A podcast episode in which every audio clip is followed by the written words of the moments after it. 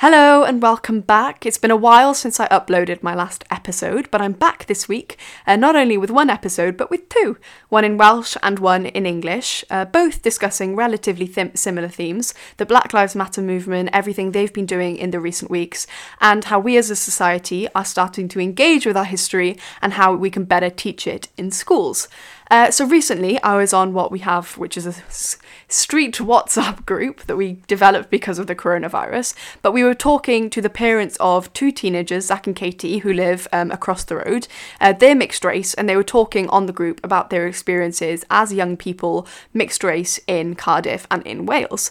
Uh, and it happens to be, given the topic was raised, that a teacher lives relatively near to us, and she was saying that two of her students, Fatima and Niamh, have created a petition which has gained quite a lot of traction, um, asking that the curriculum be reformed, not only history, but just across the curriculum generally, uh, meaning that people are adequately educated about the history of race and the struggles that black people have faced in the past. Uh, so I asked them to join me too, meaning that this is essentially a street discussion about uh, recent matters. We really enjoyed it, and we hope you do too.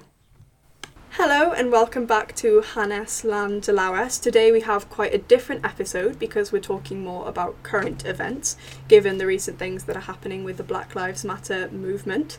Uh, so joining me today, we have four lovely guests. Hi, I'm Niamh. I'm Fatima. Hi, I'm Katie. Hi, I'm Zach.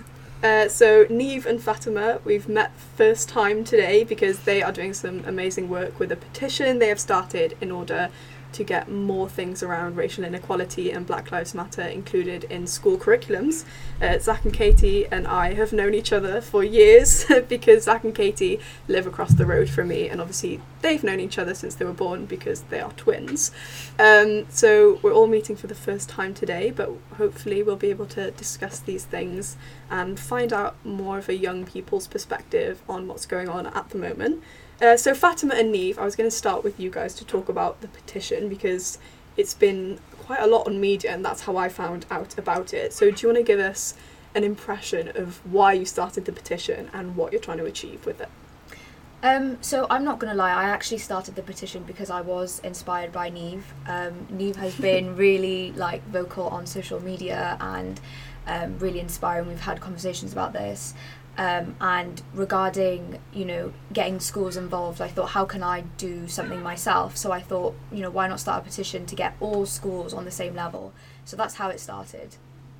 Yeah, um, like Fatima said, I think I saw I was all over Twitter when all this was happening, and I saw a tweet and it was saying something how Black Lives um, Matter and Black Lives History was never, or Black Lives History Month even, was never included in the curriculum, and I was like, I don't remember school even mentioning it. Like Yeah. it was never a thing because we went to the same high school, and um, I was like, I don't remember anyone even mentioning it in school. And then like I had quite a few likes, people were agreeing with me, and then I was like, you know what, I'm gonna at my school. So I added like the history account, I added um, like the main account as well. And then the next day, my history teacher got like in contact with me, and he was like, "Listen, like I want to hear what you got to say. I want to involve like whatever needs to be involved. Like we need to get this moving, sort of thing."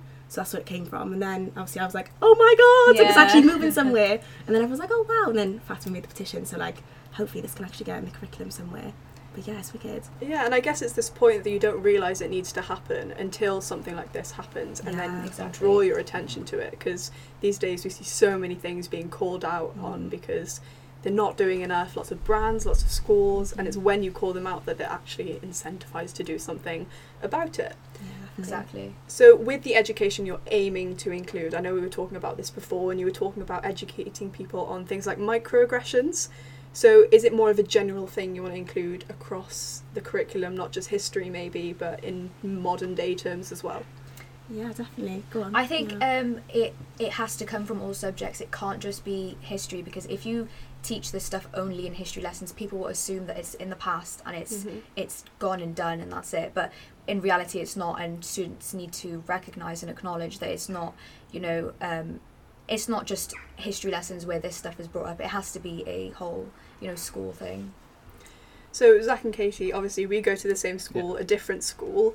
Um, as black people in a Welsh medium school, what's your experience been with the curriculum and the way that black history is taught, if it's taught at all in your experience? I think personally, I, I agree with what you're saying. If you kind of you don't hear about it, you don't discuss it. It's never part of of lessons of the curriculum in current terms. It's always books in English where slavery Yeah. used to happen. To Kill a Mockingbird, um, Of Mice and Men, that kind of thing. Year, many years ago, um, history you learn about America in the early 20th century, and it's Mm. never taught as. And even though it might not even be a conscious thing, but if, at teaching it that way and putting it in students' minds that okay, this is something of the past, it you'd unconsciously maybe not realize that it's happening today. It's still a big issue in today's society. Yeah. Yeah, I think it's one of those things that if it doesn't affect you, you're less likely to notice it. And I think that's where it's really important to educate people on the fact that it does happen. And even if you're not aware of it, you need to make a conscious effort to stop it when it happens, or if you see it on social media or anywhere in everyday life. Um, and I also think by teaching it only in history lessons and only about the history of things, you only really hear about extreme things. For example, the history of slavery, when in reality, it's a lot less. Well, it's very. It's not. It doesn't happen anymore. Mhm. But things like microaggressions or casual racism, Mhm. they're very common, and I think that people need to educate themselves more about that because that's what's happening today, and that's what we need to tackle. Well, Zach, well, Zach and Katie, both of you recently spoke on Cymru Fyw about what's going on at the moment in the Black Lives Matter movement. And I think it was Zach, you mentioned that you were very sceptical at the beginning because we've seen these things happen a million times. You know, someone gets killed or there's a horrible racist incident, and then people care or repost something for two days and then it's over. But you've been more impressed this time surrounding, you know, what's happened after the killing of George Floyd. So I was going to ask you, all of you really, why do you think this time has been different to other times? I honestly can answer that question. I'm just thrilled that it has been different this time. Like you said, it's normally it's a shame with so many incidents in the past. It's been almost a flash in the pan. Hmm. You hear about it once or twice on the news over a couple of days, and you see a lot of support. To be fair, on social media, but like I said, it is a flash in the pan. It's a two-day thing, where so in young people's minds, it's these horrible events that happen once or twice a month it's not that it doesn't get the coverage it deserves over the course of each day and i can tell you what the difference is this time perhaps young people across the country across the world have just simply had enough i know that we have a, we as a society in wales and smaller even in cardiff have definitely had enough have you seen as you've seen by all the protests and um, raising awareness online the protests outside cardiff castle i've been really impressed over the continuous support over the past couple of weeks. I think one of the main differences that's happened now is that a lot of people have seen that they can make a difference. So now that people have realised that when we actually raise our voices and do something, things get done, Mm-hmm. maybe we can continue to do that and things can continue to get done. So I think one of the main things that have kind of pushed people to keep going is the fact that they're actively making a difference and they want to continue to make a difference. Yeah, well, I think on that point of making a difference, petitions are obviously a huge part of that, and maybe the fact that we're in isolation, people are increasingly on their phones and on Mhm. social media, and so when it's as easy as sharing a link or a petition in your story or in your Instagram bio, people have really gotten into it's almost a trend, which in a way is a good trend because at least Yeah. you're making a difference and you're contributing to alleviating this kind of racism. So I think maybe isolation for one thing and the trend of signing as many petitions as you can has been a great help to this movement. Mm-hmm. Yeah, definitely. I do agree with you as well. I feel like people just had enough. Like it gets to the point where I'm sure there was numerous killings in the lead up to the week of when George Floyd was like passed away or whatever, and then it was just like you know what this this can't happen anymore. Like Yeah, I, enough exactly. is enough. So I do think, and like you said as well, like people are seeing a change. Like he's the um he's a Derek Chauvin. That's the guy who did it, the police officer even. But he's been charged second degree. Obviously, we'd all want first, but it's still progression from what would have happened if none of this would have happened on Mhm. online and on social media. Yeah, and I think as well, like you said, because we're all in isolation, I don't want to blame it on the pandemic and you know say because of this issue that everyone's you know woken up. But I feel like everyone's on their phones a lot, a lot more, and Mhm. I feel like people there's no excuse now because obviously there's no school, there's no you know there's no excuse to why you wouldn't be raising awareness about this. So Mhm. I think we talk about the benefits of social media, and then these days it's much easier to share things, to educate people, especially with you know the rise of hashtags and things like that. But we've also seen an increase in virtue signalling. So, for example, with the Tag 10 challenge and the Blackout Tuesday, I know there are some sort of contesting views on this, um, but Fatima and Niamh and I were actually talking about this um, before you guys arrived. In that it's very difficult because when you're tagged in something like the Tag 10 challenge, you have to weigh up that gut feeling of this doesn't seem right, but also you know that if you don't get engaged, it's very likely that people will attack you for that and they're like, why aren't you getting engaged? So, because of increased social media usage, these things become more prevalent and it's very difficult to decide how you want to get engaged. So, I was wondering whether you guys had any particular feelings on those challenges or how you addressed them when they happened. I think with the Blackout Tuesday, the thing that annoyed me the most was that the actual idea of what it was supposed to do was lost. Mm-hmm. I think a lot of people kind of saw it as an opportunity, as a easy way out to say, "Oh, look, I've posted this on my Instagram. It's fine. Like people I'm know that. Yeah, people yeah. know that I'm not racist. It's fine." And I feel like too many people I saw posting it. and I said, "Hang on a minute. You haven't said anything else. Exactly. You're not doing anything else. Mhm. What?" And then it kind of just came. And I saw all these people posting about how it's really irrelevant when actually the initial protest was to stop people of colour or anybody who wants to get involved spending any money on that Tuesday so that people would realise we can make a really big difference in regards to um, money.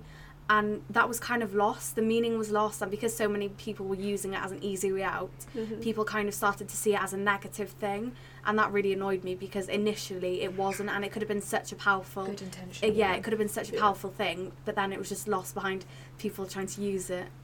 Yeah, I, I agree. It's kind of like you said, it gave people an easy way out, uh, and I, I for one completely understand. I'm not the most active widely to to people that are my close friends. They wouldn't see me as a widely active person on social media. Mhm.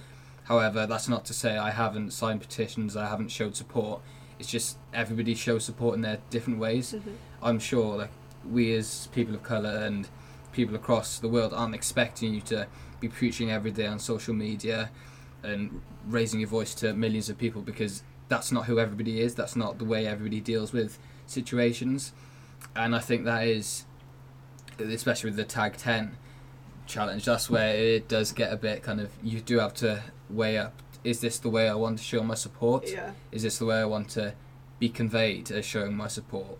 Because I'd personally much rather go about it privately and sign my sign my petitions, go to protests, um, raise awareness amongst friends. But I wouldn't necessarily be happy be happy to raise such.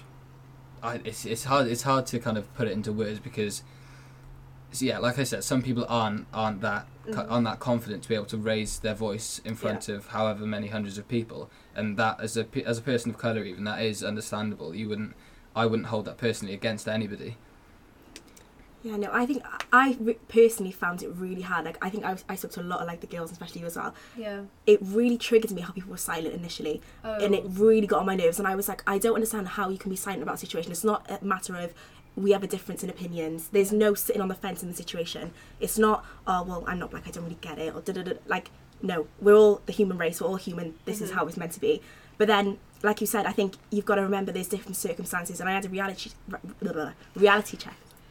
Um, but I was like, people deal with things in different ways. Like people can be silently signing petitions. You know what I mean? Like it's people can do things behind closed doors. It doesn't have to be like in your face. Like I've been posting every day. I'm like, I Yeah. gotta keep people because you gotta keep your foot on the gas and like Yeah. keep it keep it there so people don't forget. But um, because even Twitter is slowly like well not even slowly, it's back to normal now.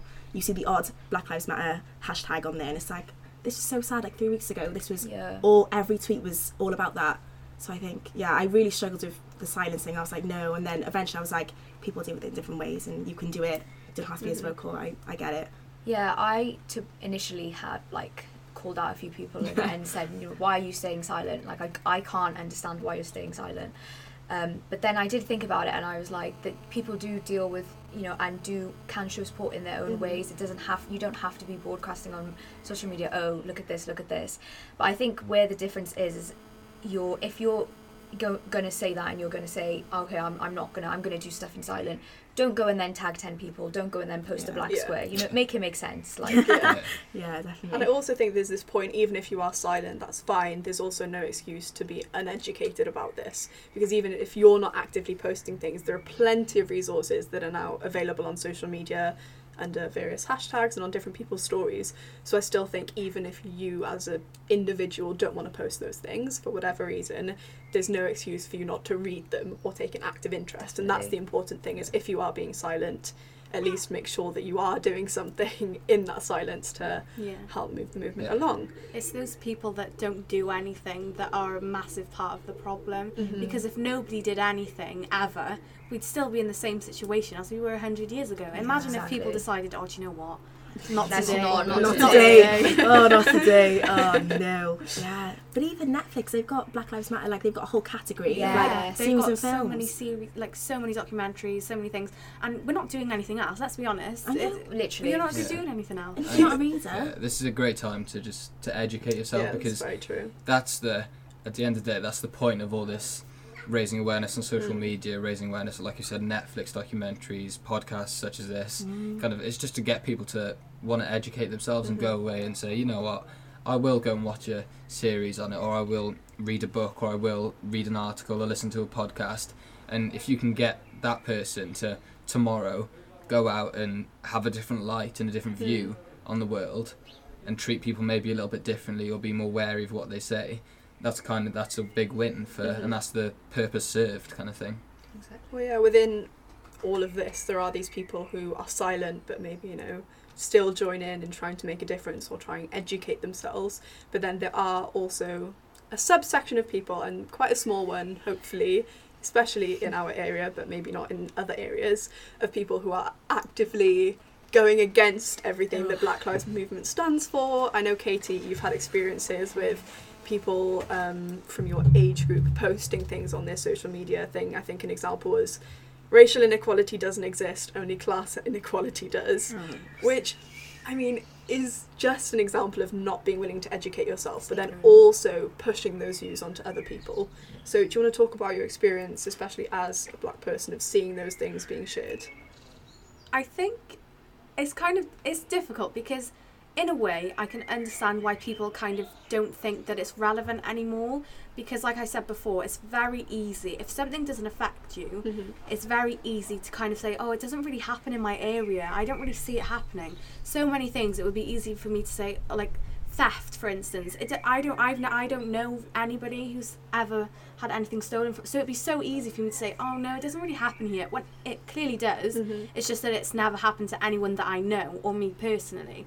And I think the issue is when people decide to kind of assume that because it hasn't happened to them or to anyone around them, that it doesn't happen. So I can understand to an extent why people might think that, but then what I don't understand is when they clearly see that it does happen and when you give them evidence.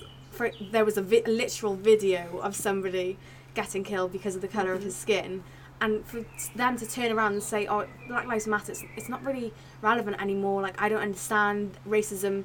It's not really an issue anymore when it clearly is. It's it doesn't it doesn't make sense. And the thing that you said about um um so, social inequality, um somebody that I was talking to said that um, racial inequality doesn't exist anymore and it's all about the money that you have. And I said, well, that's two different things. You know, there are people out there that are going to treat you differently regarding the amount of money that you have. Yeah. But that could be anyone. That could be whether you're white, black, Asian. It could be anyone. You could be really rich and white. You could be really rich and black. You could be really poor and white. Really poor and white. It um, and black even. It doesn't make a. d- It's not about race. What annoyed me was the fact that they didn't realize that it was a race issue. Mm-hmm. People were getting treated differently specifically because they were black, not because they were poor and mm-hmm. happened to be black, but because they were black. because those things can coexist. Yeah. Like Yeah. you can have gender inequality, you can have racial inequality, you can have every kind of inequality coexisting at the same time. It's not Yeah.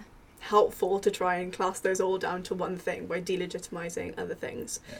So I was going to ask all of you, um, because I obviously have a different experience of this, but when you see someone posting something quite ignorant on their social media, do you feel obliged to like tell them about it or try and educate them because I was talking to another friend of mine and they were saying obviously for them it's an everyday thing. It's not just when Black Lives Matter is trending, but being a person of colour is something you have to deal with all the time. And so it can be so tiring to have to deal with people's ignorance all the time. So I was wondering whether you feel like incentivized to swipe up on those people or sometimes you just think, you know what? Don't want to. I I try I do try to because there was one of my friends that posted something on social media that kind of it was a little bit skeptical and I Mhm. felt like it was kind of she, they didn't mean anything by it at all. They they definitely not racist. In fact, throughout this whole process, they've been really um, spreading awareness, signing Mhm. petitions, and I just swiped up and I said, "Oh, I'm not really sure if you understand what this means. Maybe maybe look at your wording a little Mhm. bit because this is not this isn't really right and they said you're completely right after i explained it they were like oh you're completely right i'm so sorry they deleted it they said they were they apologized Mhm. and that was that but then other people they just don't want to change their minds they Yeah. just so and, and what's funny is the per, the person that was telling me that racial inequality isn't an issue was not a person of color was not a minority Mhm. so it's kind of like, well, it wouldn't be an issue to you specifically, but maybe open your eyes a bit to what's going Yeah. on around you. White privilege, please. Yeah. Open your eyes. they were trying to tell me that it didn't exist. Because yeah, that's racial was like, gaslighting. when they're sat there and they're like, you know, that doesn't exist. No, Mm. or I wasn't being racist. It's like, no, no, no. If someone said, you know what, that's racist or that's offensive to me, educate and just sit and Yeah, listen. Take it. Don't, don't, no, no, no. no. It's like, sit there because what they say, they're not going to be like, do you know what, that's racist for the fun of it. Like, yeah, no one. honestly, yeah. Yeah. Like, it's not something that you'd make up. And And I just tried to explain to them. If you break your arm and I say, "Oh no, you haven't," you're literally the one with the broken arm. Yeah. So why would you say, "Oh no, I have a broken arm"? If you didn't, and as if I say to you, "No, your arm isn't broken," when it clearly Yeah. is, The I have outlet. no place to say, "Oh no, I don't think it is Yeah. is broken." Actually, no, I don't think It's so. Yeah.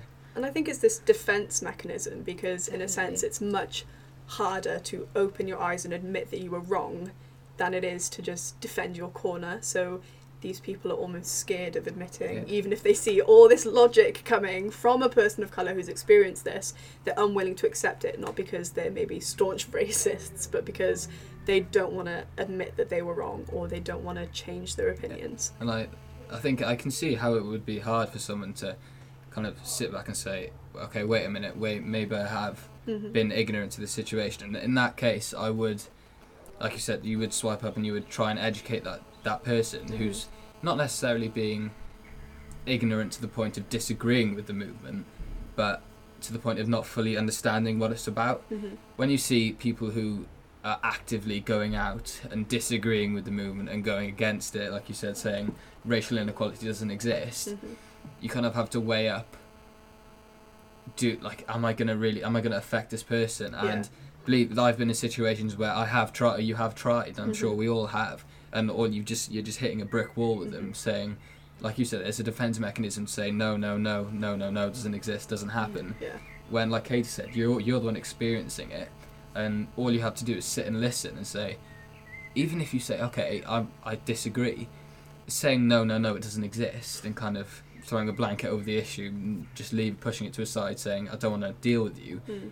It's just the complete wrong message and projecting that message out on social media is another thing entirely if that's your if that's your viewpoint in what world is you, are you going to get a good reaction from posting that on social media especially in a time like this Yeah. where Yeah. it's such a big and relevant thing what are you going to gain from Mm. posting that controversial or outright wrong statement on social media kind of thing Yeah. Yeah, because I actually, and what were you saying about um, why would you post it? I actually ended up saying to this person because, like you said, it's like hitting a brick wall. I said, look, if you don't agree with it, fine, just don't stop other people from agreeing with it. Like nobody's doing any. If in some alternate reality, racism didn't exist, Mhm. people aren't doing any harm by saying that racism is wrong and it needs to stop Yeah. nobody's doing any harm except for you. So maybe just if your opinions are hurtful or wrong, maybe maybe Collectively Yeah, incorrect. maybe don't spread them on social media. Yeah. Yeah, if you're not educated about like if if you don't if I feel like a lot of the time as well when you try to explain white privilege, you know, um, people just don't. It's not even like they don't want to understand. I just don't think they know what it means. I think people associate white privilege with them equals you are racist. You know, mm-hmm. just because you have white priv- privilege doesn't mean you're a racist person. People think we're blaming. Yeah. Yeah, Yeah. exactly. It's not like that. It's you have white privilege. What are you going to do about it? You Yeah. know, mm-hmm. not I think yeah, people even just saying the word, the term white like it's privilege, offensive, it just yeah. makes Yeah. it makes people Yeah. really It defensive. sounds They're quite kind of like, passive no, no, aggressive. no. They're like, oh no, I didn't. I'm they're- not white Yeah. privilege. Yeah, Yeah, they feel like they've done something wrong when actually it's just the way that society Yeah. is. exactly. And what's important is how you can use that privilege. Mhm. And I posted something on my story, and it was like, you're in a massive boat, and unfortunately, the colour of your skin is a life jacket. So, as a person with a life jacket, you need to make sure that you're trying to help those without. Yeah. I love And that, wow. it's really important that people realise that it's not. It's not necessarily a negative thing because you're not asking for yourself to be privileged. You're not saying, "Oh, I really want this white privilege." It's just a thing that unfortunately exists. Yeah. And I And think no- it yeah. ties back to what you were saying about class inequality as well. Yeah. Is that some people who think, oh well, my life hasn't been perfect. Mm. I don't have this Yeah. incredible, massive Yeah. house, so I can't be white privileged because I have also gone through trauma or had ha- bad things happen. And I think you can see that not everyone who's white has this perfect life Yeah. because they are white. But in the case of racial inequality, if Yeah. there was a racist policeman or a racist judge in your court case, you wouldn't be negatively impacted because of the colour of your Yeah. skin. Exactly. I always try to explain it to people in the way that in your life, your skin color has never been a reason that you're at a disadvantage. hmm It's it would it has never been unless obviously there are pe- there are black people who are racist, but you're in general a person of color. Their skin could be a reason that they're at a, at a disadvantage, whereas somebody who's white, not not so much. Yeah, you kind of you don't have to. You've it's never been an issue. That's the thing. You don't have to go through life thinking, "Am I gonna?" It's never been like a point of view saying, "Am I gonna be judged because of this? Am I Mhm. gonna be stopped Yeah. doing this because of that?"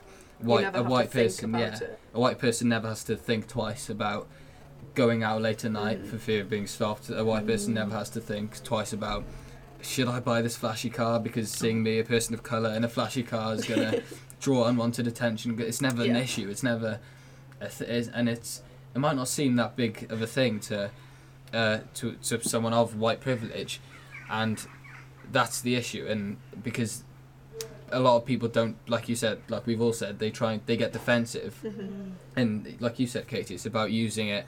It's not a bad thing. It's just it happened to you. You didn't choose it. It's just you're you've been given this this social kind of standpoint, and it's the way you use that then Mhm. in order to influence the world in whichever way you see fit, and hopefully that's a positive way. Yeah, well, you, Katie, I think you were talking about sometimes people sharing views that they don't fully understand. So your friend who Yeah. shared something, not because she truly believed in it, but because she didn't see the effect of that. And I think recently I've seen an increase in people talking about George Floyd's criminal background or his criminal record and his imperfections as a person. And I shared something because I've seen this stuff and I can see that, you know, people are trying to make sure that we have all the details and we're as educated as possible on what we're talking about. However, you also need to think about what you're sharing, what kind of narrative that portrays, and who that narrative benefits, because ultimately it really just seems like they were trying to justify mm. what the Yeah, policeman that's- did or minimise the effects of it. Yeah. And I think something else that I've seen, which was quite a good response to this, was even if he was guilty of previous charges, that still doesn't mean that he should have been Yeah. killed. And I Yeah, think Yeah. about this problem we have with the police, especially in the US, but also in the UK, is that we've been so almost indoctrinated into just accepting that they Yeah. have this ultimate power. Yeah. So we start justifying Yeah. what they do by, oh, well, this person was a criminal in the past few years. And it's like, it's Yeah. still not okay, though. And you know what? In society, that's so often the victim is blamed. Like, for Yeah. example, say if you've you've had your house burgled or whatever, Mm-hmm. and it's like, but did you lock your door? Did you? Yeah. It's Yeah. like, uh, Yeah. this isn't a free pass. You don't yeah, come or in. even like you hear about like like- rape yeah. cases. What was she wearing? What was she What wearing? was she It's like? a bit like saying, "Oh, someone was mur- well, they you know they did have a life, so you know it's their own fault. yeah, You know they were walking about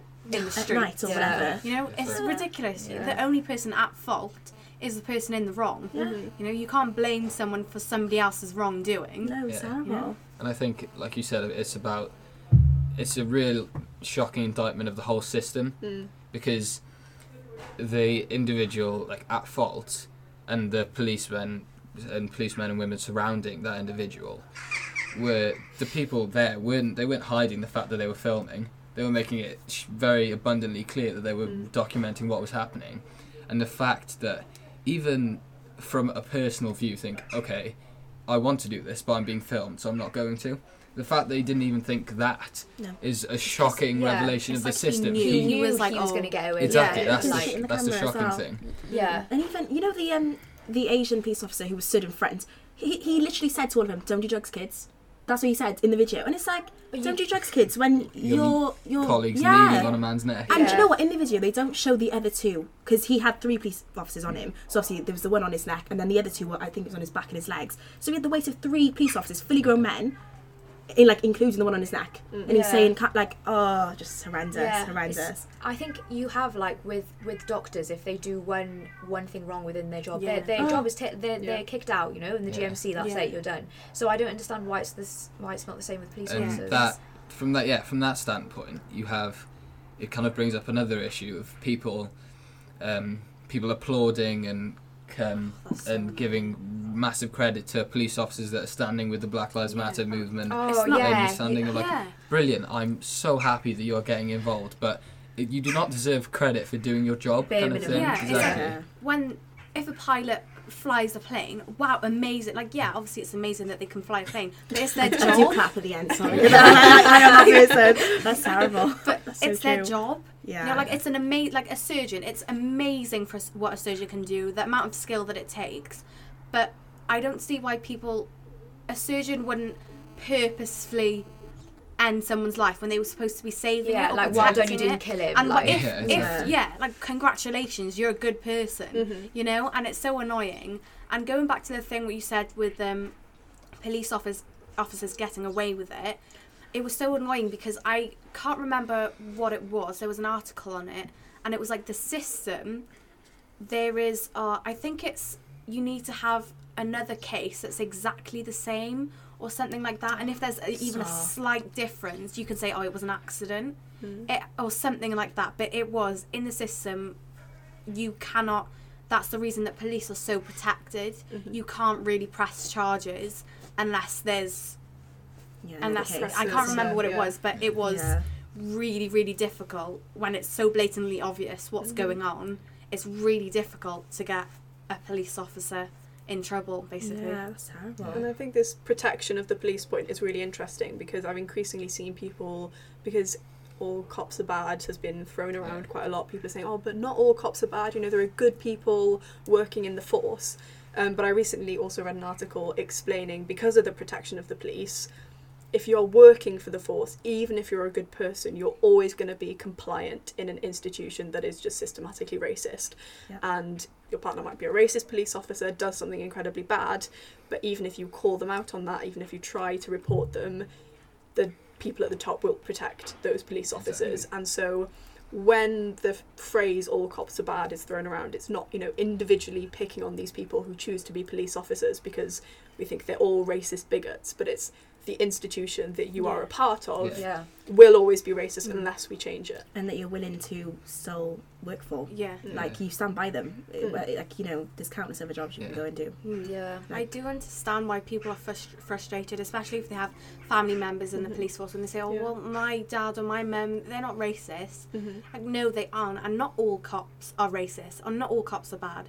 But you can't afford to have those bad ones. Like mm-hmm. you said, if a doctor makes a mistake, they lose their job instantly Yeah. because it's the kind of profession that you can't in a You're profession protecting lives. where you're Yeah. protecting lives. Yeah. You cannot afford to be a person that not only makes a mistake, makes an innocent mistake and accidentally maybe shoots someone when they thought they had a weapon and they didn't, but actually to kill someone Yeah, when literally take there's a so many other like- options.